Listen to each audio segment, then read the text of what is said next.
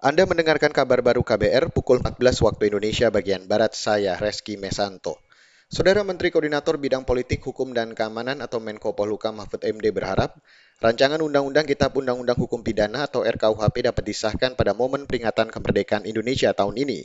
Itu disampaikan Mahfud saat bertemu pimpinan Dewan Pers di kantor Kemenko Polhukam kemarin. Menurut Mahfud, revisi KUHP adalah politik hukum penting bagi negara sebab KUHP yang saat ini berlaku merupakan produk kolonial. Kepada Dewan Pers, Mahfud meminta catatan reformulasi terhadap pasal-pasal yang dinilai bermasalah. Mahfud berjanji akan menyampaikan masukan dari Dewan Pers kepada Kementerian Hukum dan HAM. Menurutnya, masih ada waktu untuk pembahasan materi-materi yang dinilai perlu perbaikan. Sementara itu, Ketua Dewan Pers, Ajumardi Azra, mengatakan, Dewan Pers sudah mengajukan usulan 8 klaster pasal yang dinilai bermasalah pada 2018. Namun masukan dari Dewan Pers dan konstituen tidak dimasukkan sama sekali. Dalam draft sekarang ini malah ada 9 klaster dari 22 pasal umum yang mengganggu hak berekspresi, 14 di antaranya berkaitan dengan kemerdekaan pers. Beralih ke berita selanjutnya, Saudara. Kalangan parlemen mendorong pemerintah lebih masif sosialisasi dan edukasi pentingnya vaksinasi dasar bagi anak termasuk vaksinasi hepatitis.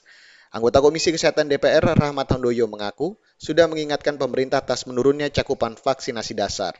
Betul, karena ini hanya dengan cara itu yang paling efektif untuk terhindar dari penyakit-penyakit menular yang sudah terkendali. Nah, kalau e, pemerintah sendiri sudah menyampaikan, sudah mengakui kok sangat rendah capaian vaksinasi dasar ya.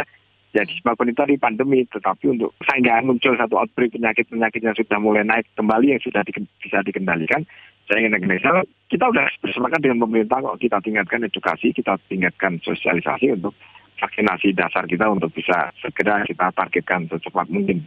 Anggota Komisi Kesehatan DPR Rahmat Handoyo menyarankan pemerintah membuat satu kebijakan untuk memberdayakan posyandu sampai ke level RT RW, sehingga posyandu bisa melakukan deteksi dini termasuk edukasi mengenai pentingnya vaksinasi hepatitis.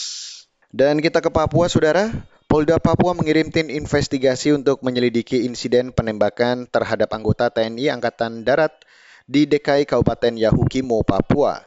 Prajurit TNI itu diduga ditembak di bagian paha oleh personel BRIMOB Rabu malam lalu. Dikutip dari antara, Kabit Propam Polda Papua Gustav Urbinas mengatakan, tim investigasi telah berangkat ke DKI dan langsung bekerja. Dari laporan yang ia terima, insiden penembakan itu bermula saat personel Polsek DKI menerima laporan perselisihan di sebuah rumah makan. Perselisihan itu diduga melibatkan anggota TNI AD dengan pelayan dan pemilik warung. Menurut Gustaf, anggota Polsek DKI mencoba melerai perselisihan dan menyelesaikan masalah itu. Namun malam harinya, 70 orang malah menyerang kantor Polsek DKI dengan melempari batu dan membakar pagar. Aparat dari Polres Yaukimo turun untuk menangani serangan itu. Setelah situasi meredah, ada laporan satu tentara terkena luka tembak di bagian paha. Gustaf memastikan tim investigasi akan menyelidiki penyebab insiden tersebut. Dan saudara, demikian kabar baru saya Reski Mesanto.